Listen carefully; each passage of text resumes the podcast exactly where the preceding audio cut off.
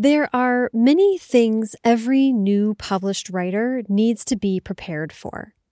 One star Goodreads reviews, your second cousin who has a great idea for a picture book, and inevitably an uncomfortable conversation like this. I went to um like my my checkup. The dentist was like, "So, you got a book coming out?" Yeah, she's like, "So like how much do you get for a book?" And I'm like, oh, I don't like in the chair. I'm like, I don't know. You're about to like stick a needle in my mouth. Like, I just was like, I don't know how to answer that. That's Jennifer de Leon, whose journey to publishing her debut novel, Don't Ask Me Where I'm From, we've been covering in this series.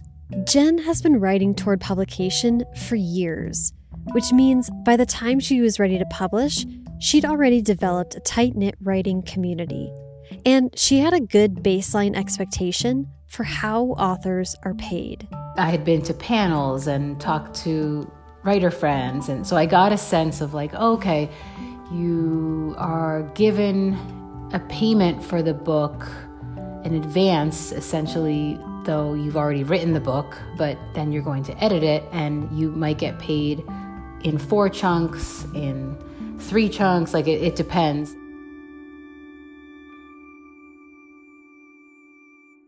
Basically, she knew she wouldn't get one big fat check immediately after signing her deal memo. And I also knew many times it's very minimal. And then w- taking the agent's cut out of it and taxes, and then the fact that it's spread out over a year or more, um, it can really feel like maybe nothing. So I, I had that like I had that expectation. But even knowing all of that, Jen was left with one very big, important question. If you sell a novel, like, what are we talking? Like $10,000, $50,000, $1,000? Like, can someone just tell me?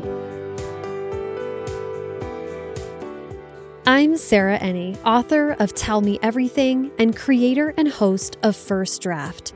And this is Track Changes, a special First Draft series covering everything you don't know you don't know about publishing. Today, the ins and outs of how and how much authors get paid.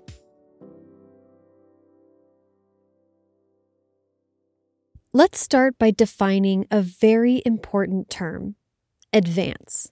In my understanding and my experience, an advance is an amount of money that's paid to acquire your project. That's Courtney Maum, who we met in the very first episode of Track Changes.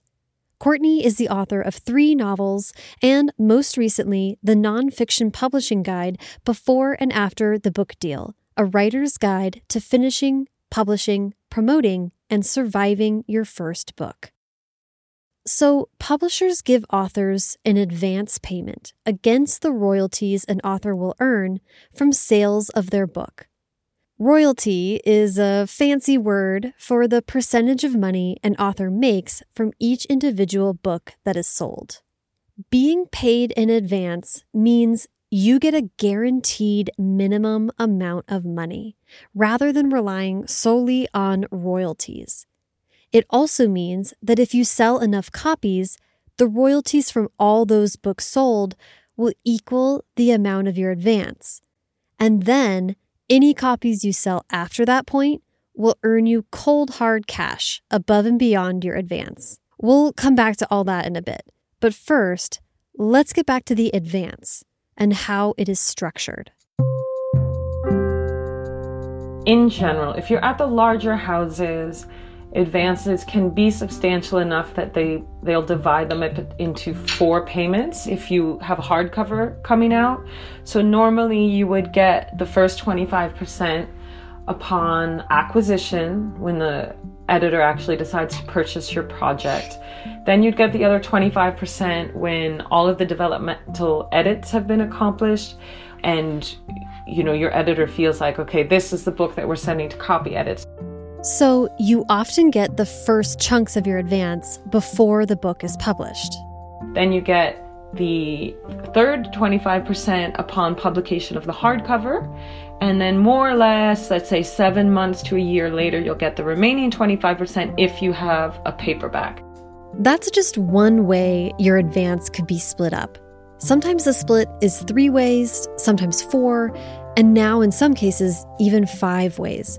And it isn't always an even split. That's why it's important to read and understand your deal memo and contract, something we'll get into more in a future episode. So, at this point, you're probably wondering what determines how much you'll actually get for your advance? Well, like most things in this industry, it depends. It depends on so many factors, the large majority of those being totally outside of an author's control. But a couple industry experts were willing to sit down with me to give a broad overview of what people might be looking at for advances based on things like age category and genre pricing is even so category specific. Like the price for a YA novel is not the price for a science fiction novel, is not the price for an adult novel. Like there is such a range. Let's go through categories and just we'll just pop it quick. You might remember these voices. Holly Root of Root Literary and Seth Fishman of the Gernert Company, two literary agents we spoke with a few episodes back. Let's start with picture books. With picture books, the illustrations are as important or possibly more important than the words in telling the story. Picture books are traditionally about 32 pages long, and there are illustrations on every page or on one page of every pair of facing pages. There's difference from the artist and illustrator. Writers who are uh, of debut unknownness can mm-hmm. get anywhere from 7,000 to mm, around 30,000. I would mm-hmm. say as an average. And there you can go let's be clear. You can go way above this. Yeah. And then there's always somebody who's like 2500 yes. and you're like, "Oh, pumpkin." Yeah, yeah. Aww. Well, if you want to do it. And then the illustrator is a different game. The illustrator will probably get in the 7000 scenario we could get 15 to 50 depending on mm-hmm. you could get a really famous illustrator and they'd bring them on because they love the project and they, you know, it depends on where you're at. But if you're a debut illustrator, then you're getting 15 to uh, to 50 as well. That's the picture book. That sounds about right. That's about right. Yeah. Okay, great. And then we have middle grade. Middle grade fiction refers to books written for readers between the ages of 8 and 12. Middle grade books are generally about 30,000 to 50,000 words long, with exceptions, particularly for fantasy. The term middle grade does not refer to genre. It's an age based categorization that can apply to science fiction, mystery, contemporary, nonfiction, and all other genres, so long as they are written with 8 to 12 year olds in mind. Middle grade, oh Lord. I mean, it is such a range. Middle grade, I think, doesn't have as high of a top. Like yeah. in YA, it's not that weird for someone to just freak out and give you six figures and yeah. you're like, oh, okay, cool. Yeah. Um, that doesn't happen as much in middle grade. I feel like middle grade is 25, 25 to 40. to 40. Yeah. 25 to 40. Yeah. That's about right. That's the Wild West, the middle grade. The numbers there, those books can sell forever. Well, it's all get, back end. Yeah. So that was middle grade, and those are the average. We're just talking about just norms. Yeah. Okay, then YA. Like the biggest chunk of the band. The biggest chunk of the band, YA. Like middle grade fiction, young adult fiction refers to an age category. Young adult books are written for readers between the ages of 13 and 18, and those books are generally between 50,000 and 75,000 words long, with exceptions, again, notably in the fantasy genre. YA, YA is impossible because I feel like there are two bands. Yeah, this is tale of two bands. There, it is a tale of two bands. There's a 20 there, to 40. There's 20 to 40, and there's 100 to 200. Yeah.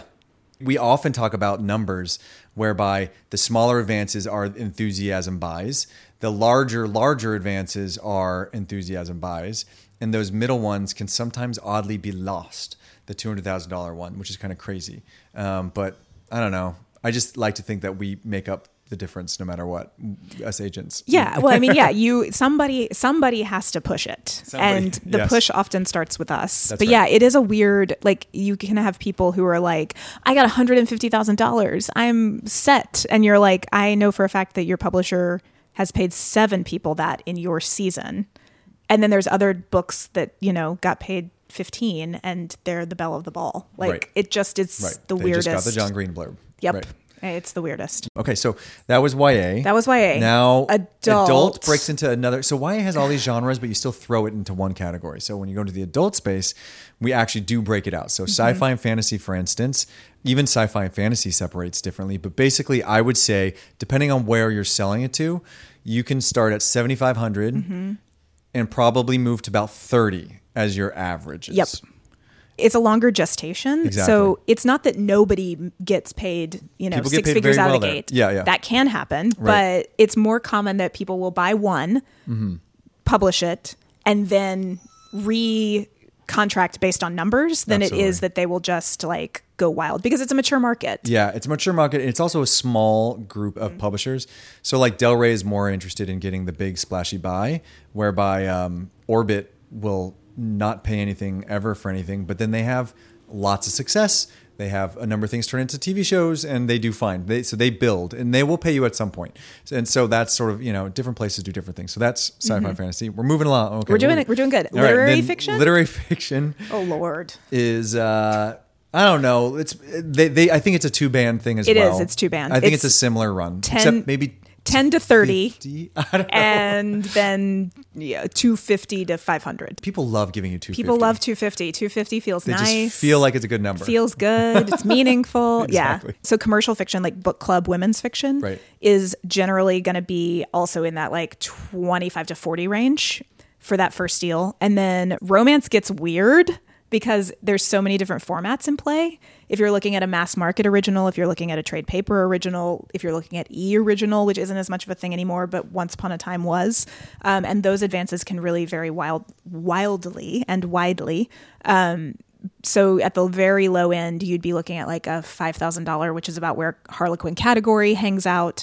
Um, up to let's say 20 as like the most common amounts and then there are outliers again. If you have a bunch of bidders, you can really get uh, a lot above that. And then nonfiction is like all platform. And I think nonfiction too, because the way that those sell, people, it's lottery tickets. People are just buying lottery tickets based on whose fan base is going to turn out.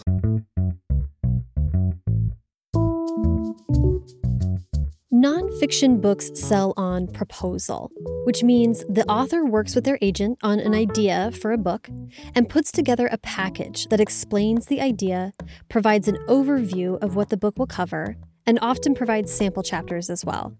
So a nonfiction author does not write the entire book before selling it, as is often the case with fiction.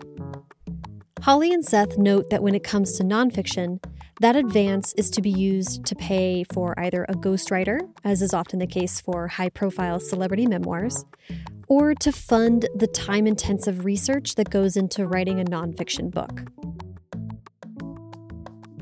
Okay, that was a lot of information. Nothing that Holly and Seth outlined is written in stone.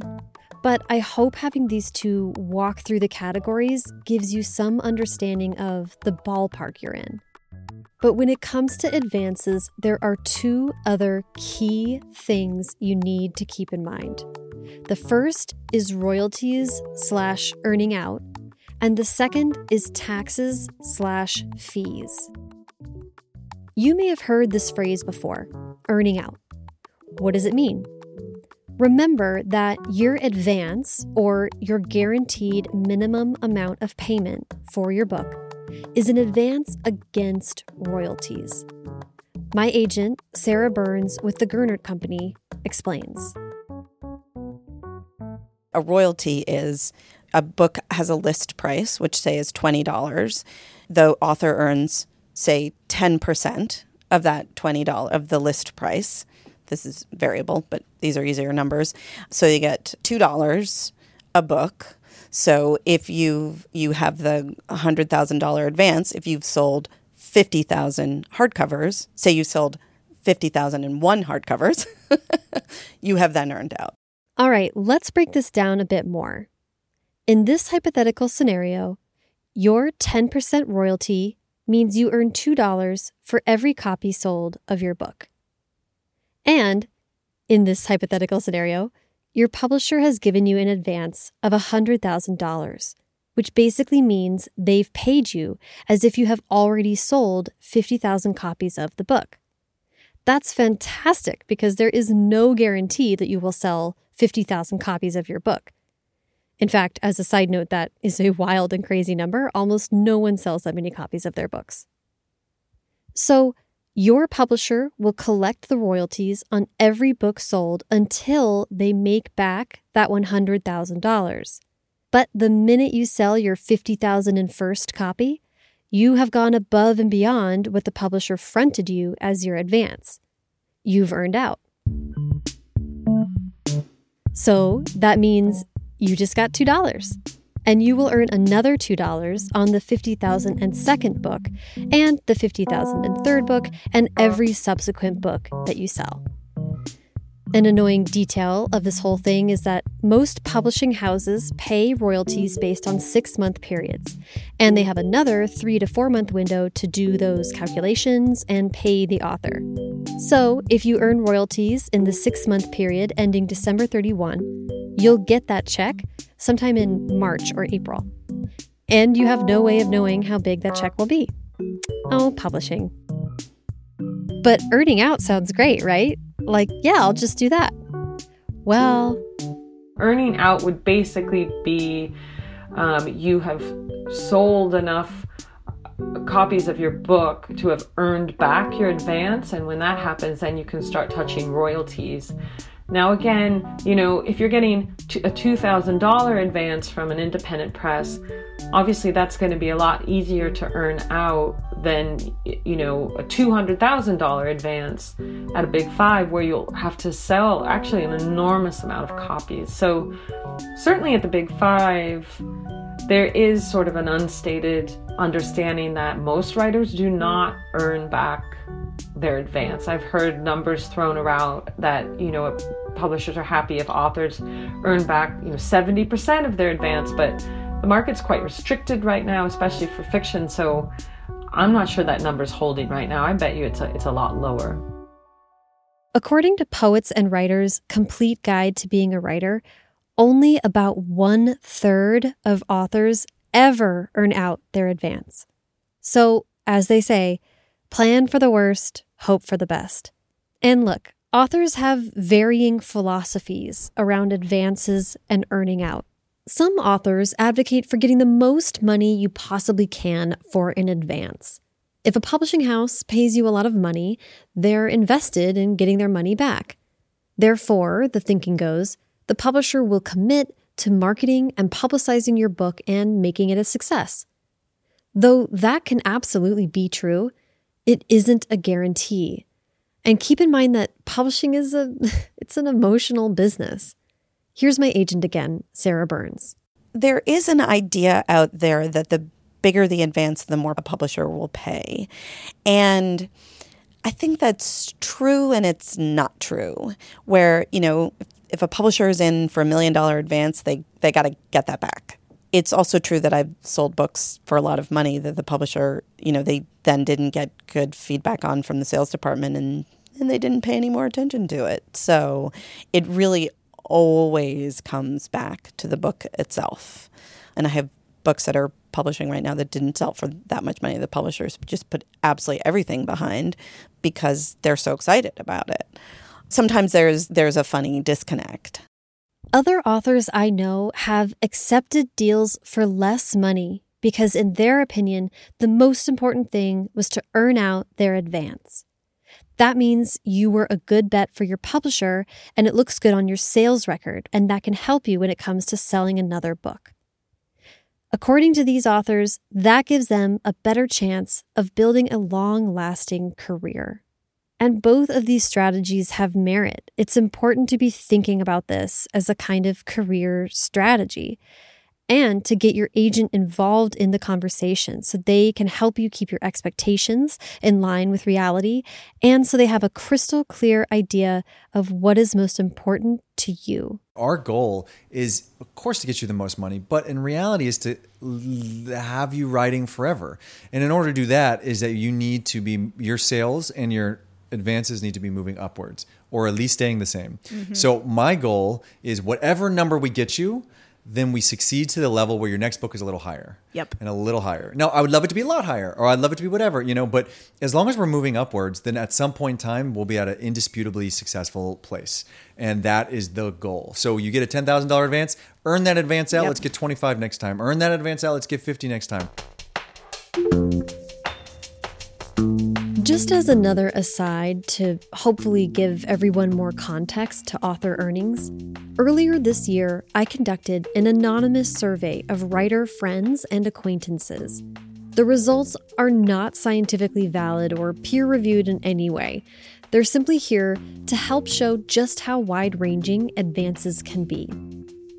Of the 69 authors who responded to the question about advances, 46.5% made $75,000 or less on their most recent advance. 58% of those authors made $100,000 or less. A quarter of respondents earned between $100,000 and $300,000, and another 14.5% made more than $300,000. Now, again, this is not a scientific or peer reviewed survey, it's not science.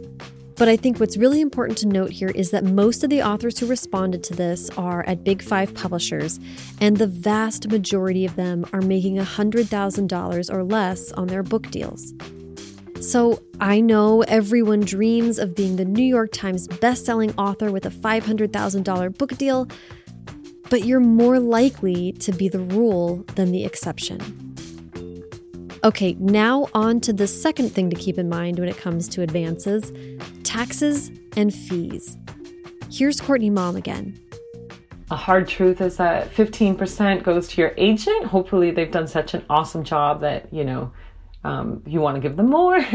and then you have what, about 20% going to the IRS, can be even higher if you're self employed. So it's, it's very important for people to budget their advances. You know, it might seem like you have a decent chunk of money coming in, but not all of that is yours.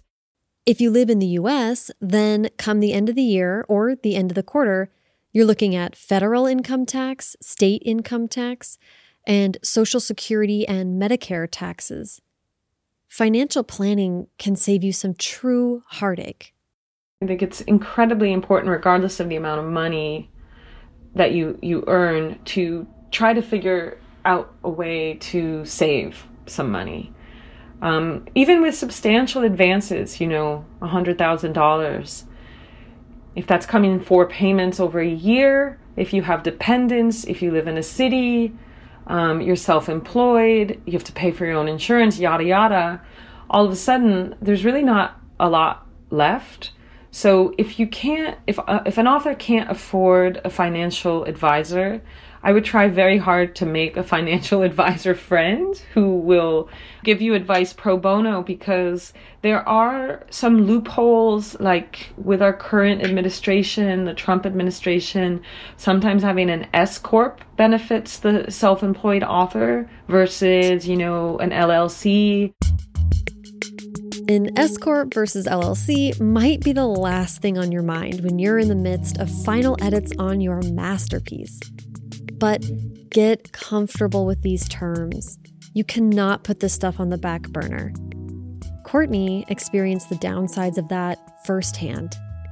I was there, you know, I was just getting my 1099s and I was absolutely walloped, walloped with, ta- I mean, it's like I saw my whole book advance disappear and it was really heartrending to hear a couple years later that I, I could have, you know, gotten 20% of that back if I'd had a, an S Corp. So, um, I do think that a financial advisor is worth the investment if you're getting a somewhat substantial advance. The other reason it's so, so, so, so important to be thinking about what to do with your money before it just appears in your checking account an advance is not a salary. I'm going to clear my throat and say that again. an advance is not a salary. Just because Big Deal Publisher paid you $100,000 for a book does not mean that you will now make a minimum of $100,000 every time you type the end. It does not mean that at all. Another really important consideration for advances is whatever you receive for your first book, that might be the most money you ever see. Your second advance could be less. Um, your third advance could be less than your second. It's not said to authors enough that whatever you get for your book advance, be prepared if you manage to get in a second book for that second book advance to, to, to be less. Your advances are not a reflection of some annual salary that you're going to have for the rest of your life unless you're fired. It unfortunately doesn't work like that. It is a kind of harsh truth. And in fact, you have to keep writing books and they have to perform and the money comes, the money goes, things fluctuate so incredibly that some sort of sound investment strategy is, is very smart.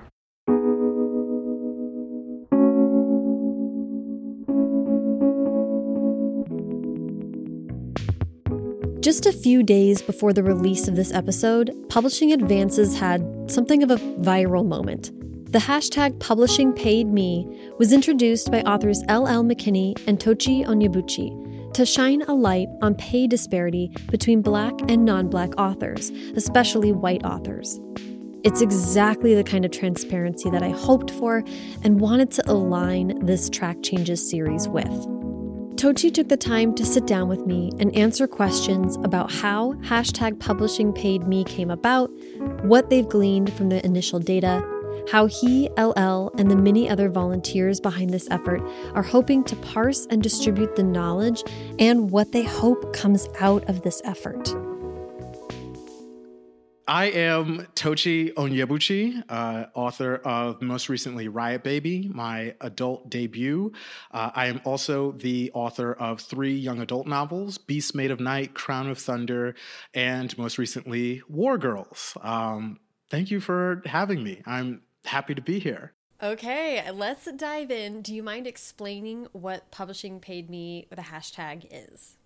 So, Publishing Pays Me, the hashtag, uh, which uh, basically started on Twitter June 6th, 2020, came about as a result of quite a few things, um, a confluence of circumstances given what has been happening over the past, uh, you know, I'd say particularly the past couple of months, but most definitely the past couple of weeks and even the past few days between the pandemic and the aftermath of the George Floyd killing. And so, what precipitated this effort was that, you know, this past week, particularly given the context of so much of the of you know the the basically the uprising that's happening in this country along lines of bringing about a more racially equitable society. Several publishing companies particularly the you know members of the big five put out statements affirming that black lives matter. Um, but it was the typical vague occasionally mealy mouthed type of sentiment there was no way to actually hold them accountable for their affirmation of Black lives. And so we decided to try to take a step in doing that. I think it might have been like a tweet of mine on June 5th that was like, you know, if, if, you know, book publishers, we see your Black Lives Matter statements. And we're going to need you to have that same energy when it comes to the conversation about black writers and book advances. Um, because if you think the receipts are bad now, it's about to be CVS on this website. Was I believe my wording? and the tweet blew up. You know, there it, it got a ton of, of retweets, it like a, a ton, a metric ton of likes. So it was very clear that this was a conversation that needed to happen and needed to happen sort of in the open because then it gets easier to demand accountability. So the following day, you know, I and LL McKinney, uh, another young adult author, you know, we got together and she launched the hashtag Publishing Paid Me. And we thought the discussion would be confined to young adult SFF. You know, that was the world that we operated in for the most part. And then Roxane Gay tweeted her totals for her advances, and um, it blew up. It blew up. But it was very illuminating because a lot of people, particularly from the outside, uh, who would see a particular author's totals, particularly if they were a black author or, or just an author of color in general, um, and they would know that this author is critically acclaimed. They've won several awards, you know, maybe even hit the New York Times bestsellers list. But they got, in comparison to a white peer or what have you, eh, you know, pennies on the dollar. And their jaws would hit the floor. You know, I uh, N.K. Jemison published her, or you know, she she put out her totals as well, and people were gobsmacked. You know, even after winning the Hugo, she's making less than, you know, she's getting paid, you know, for an advance, you know, less than 100k a book, which is which was wild to a lot of people. People would see that and assume based on a person's success or visibility or what have you that they're, you know, some millionaire or something like that. And uh, yeah, so it was this very amorphous thing that came together. Um, and then uh, as it was happening and we realized that we had something on our hands, a bunch of people sort of leapt on the data collection effort because, you know, it was very important that, you know, if we're going to try to turn this into something that can result in, in actions to make the landscape more equitable, we would need data points. We can't just, you know, come to publishers or, or, or raise, you know, anecdotal evidence. Very early on, a bunch of people hopped onto the data collection effort, and you know were able to sort of hoover up a lot of the numbers that were, you know, that were put out, and it was even just a back of the napkin glance at, at, you know the compilation was was startling. I mean, it was in many ways the confirmation of, of various assumptions that we had, but or suspicions that we had, but but startling nonetheless. So it was very ad hoc effort that that coalesced very, very, very quickly. So you and I are speaking the day after this happened. So um, I don't want to ask you to analyze us, uh, you know, for analysis that will come later. Of course, you'll have more time with the data. But um, I'd love to hear about initial impressions and also what um, hear what your plans are as far as analyzing the data and what kind of information you want to pull from it and and express to people. One of the things that has happened is the revelation of just how pervasive and omnipresent inequality is in the United States, particularly between Black and non Black people. You see this with regards to medical care. You see this with regards to the treatment of, you know, essential, you know, slash expendable workers uh, during the pandemic, during all of these lockdowns that that happened. You see it in policing. You see it with regards to incarceration, uh, and you see it in the publishing industry. And one of the things that makes these disparities uh, and these inequities so entrenched is information asymmetry. Um, so the fact that it's very much discouraged to talk about how much money you make in publishing if you're an author. There's a sort of encouraged industry silence around that sort of thing. And that harms authors, but more particularly than that, that harms authors from marginalized backgrounds. And that more specifically harms Black authors. And so, what publishing pays me was intended to do uh, was to highlight a lot of these disparities by sort of lifting the veil uh, with regards to book advances. Uh, and we chose that very specific and particular uh, data point for it. And, and that's also a commentary on the, the financial feasibility of making a career as a writer. There are some people who have structural advantages who are able to do that, and there are many, many, many people uh, who aren't. And one of the things that the Publishing Pays Me hashtag made very, very, very evident over the course of, of 12 hours was that a lot of the people who can't uh, are authors of color, specifically black authors. It is a way to bring all these conversations that have been happening in the shadows out into the open. Uh, and the main thrust of it was to highlight the disparity in advances between black and non-black authors. And you know a lot of people would would gawk at the numbers or would see the numbers and cry.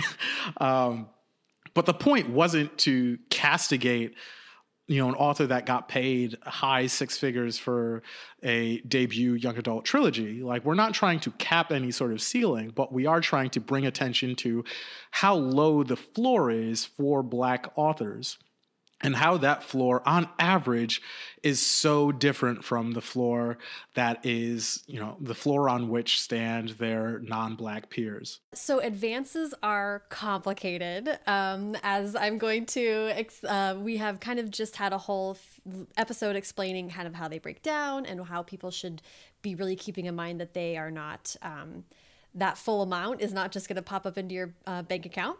And they also are not the full the an advance does not represent the full amount of support that a publisher is giving your book. And by that i mean they have to they have to give you an advance that they also can uh, uh, push books with marketing and they can put the full force of the house behind something. So there's a lot of other ways that publisher publishers can show support for authors. So i'm interested in you um, in hearing how you guys decided to focus on advances and what we can learn by focusing on dollar amounts the reason we focused on advances is because there there is so much context in publishing. It's not just the advance that is the only sort of element of of the equation. But you also look at publicity efforts. You know, how is a publishing house, how is an imprint going to push a book? How are they going to market it? How are they going to get it into people's hands? How are they going to get its cover in front of eyeballs? You know how are they going to get the author out in places to talk about it and to get people to buy the book? Um, and that varies across publishers across imprints um, even across publicists. Um, even within the same imprint you could have two different publicists that have two different philosophies or two different methods or two different backgrounds to take advantage of uh, in order to market a particular book. Uh, so we we get it. It's a very complex uh, equation, a very complex ecosystem. There are a ton of moving parts. At the same time, that context cannot continually be used as an excuse to entrench racial disparities in publishing, particularly when it comes to something as concrete and tangible and meaningful as how much money a person is being paid. Um, the reason we chose advances was that out of that entire complex ecosystem, that was the most obvious and most convenient data point. And, you know, a lot of us, we look at advances as the publisher making a bet on us. And like, granted, that bet can also manifest in their publicity efforts, but essentially that bet is um, how much do they expect this book to make? Um, you know, how much faith do they have in it? Like, what do they think the audience is for this book? So many baked in biases and prejudices in the industry inform that calculation. What do you have to say for someone who is perusing this thread and um sort of has their heart drop precipitously with this with this information? What do, what do you have to say to someone like that? A lot of people, you know, you know, clicked on the hashtag um, and scrolled through for maybe about like two minutes before having to shut their laptop in in righteous fury, indignation, and bottomless despair. And some of that was, you know, established authors who were like, you know, I look, I've been hustling for 10 plus years, 15 years, and I've just been trying to make this work and I've been publishing book after book after book. And I'm just looking at these totals like, man, do I just need to find a different line of work? That's very dispiriting to hear. But also, perhaps even more disheartening um, than that, were all these aspiring authors of color, all these aspiring black authors who were like, I wanted I've wanted to be a writer so bad, or I've been working towards this goal for so long, and you know. It, looking at these totals is just so discouraging. Does my story even matter? Like, if this is the dollar amount that's being put on it, then what am I even doing this for? Is this even possible? There's no way that I'm going to be able to make a living off of this. It's heartbreaking to see that. Because if we're trying to create a more equitable landscape where different types of stories are being told and different types of people are telling them, like, we can't have people dropping out of the race already. you know, you get this entrenched um, monochromatic nature wherein all these structural biases and prejudices and inequities of the industry take root and and really really really calcify and if we are serious about increasing the diversity of the types of stories that are told um, across, you know, American publishing in its entirety, uh, we have to be serious about this too. But you know, this is also very telling because you hear a lot of authors who are like, "Look, don't quit your day job, don't quit your day job, don't quit your day job." And you know, if you're aspiring, you're you know, you may take that with a grain of salt because you might be like, I don't know, like you know, my idea is going to be the next I don't know, Hunger Games or the next, you know, Twilight or I don't know, whatever.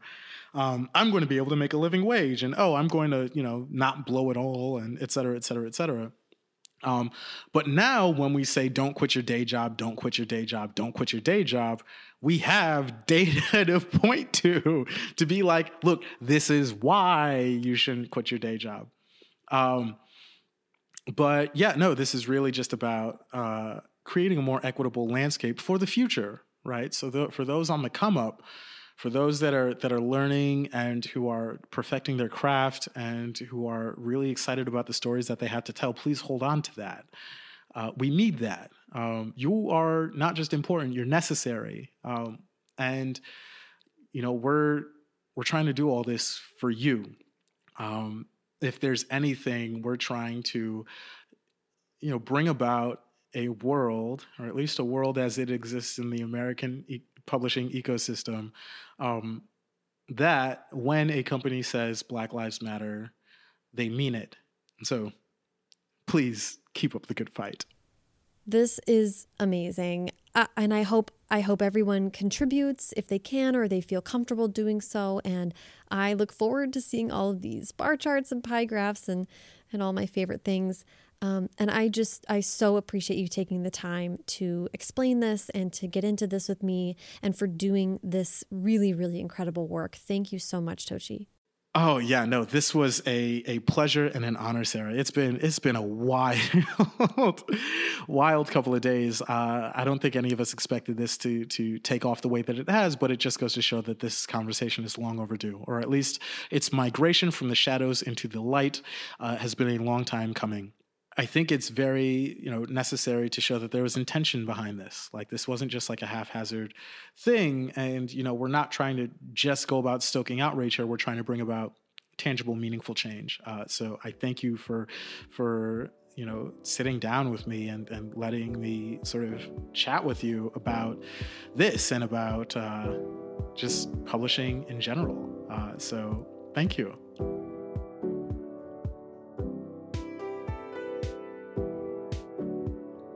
Advances are a very complicated subject. And obviously, there's a lot more to say about them. He's like, you know, this is a family decision, like what you work on next. And that was a real cold, like, awakening. Like, what? Like, I've always worked on what I wanted to work on. I've always written what I wanted to write, you know, and now suddenly it's it's my quote unquote career or it's a financial decision. We're going to get into it even more next time on Track Changes. You can find Jennifer de Leon at jenniferdeleonauthor.com, Courtney Maum at courtneymaum.com, Sarah Burnes and Seth Fishman both at thegernertco.com, Holly Root at rootliterary.com, and Tochi Onyebuchi at tochionyebuchi.com. Follow me at Sarah Enni on Twitter, Instagram, and everywhere. Follow First Draft Pod on Twitter and Instagram, and head to firstdraftpod.com slash track changes for more information and updates on this series. As with all episodes of Track Changes, I gathered way more information than I could fit into this episode, and I'll be sharing the rest in the Track Changes newsletter a subscription service that for $5 a month will get you in-depth information about publishing every Thursday. Try the newsletter for free for 30 days by signing up at firstdraftpod.com slash track changes. You can also check out the First Draft Facebook group at facebook.com slash firstdraftpod to join the discussion. Help support Track Changes By subscribing to the First Draft with Sarah Enni feed, wherever you're listening to this podcast right now, you help support the show. And please, please, please leave a rating and review on Apple Podcasts. It only takes a couple minutes, but it helps the show tremendously. First Draft participates in affiliate programs, specifically bookshop.org. That means that if you shop through the links on firstdraftpod.com, it helps to support the show and independent bookstores at no additional cost to you. If you'd like to donate to First Draft, either on a one-time or monthly basis, simply go to paypal.me slash firstdraftpod. Track Changes is produced by me, Sarah Enni, and Haley Hirschman. Zan Romanoff is our story editor. The theme music is by Dan Bailey, and the logo was designed by Colin Keith.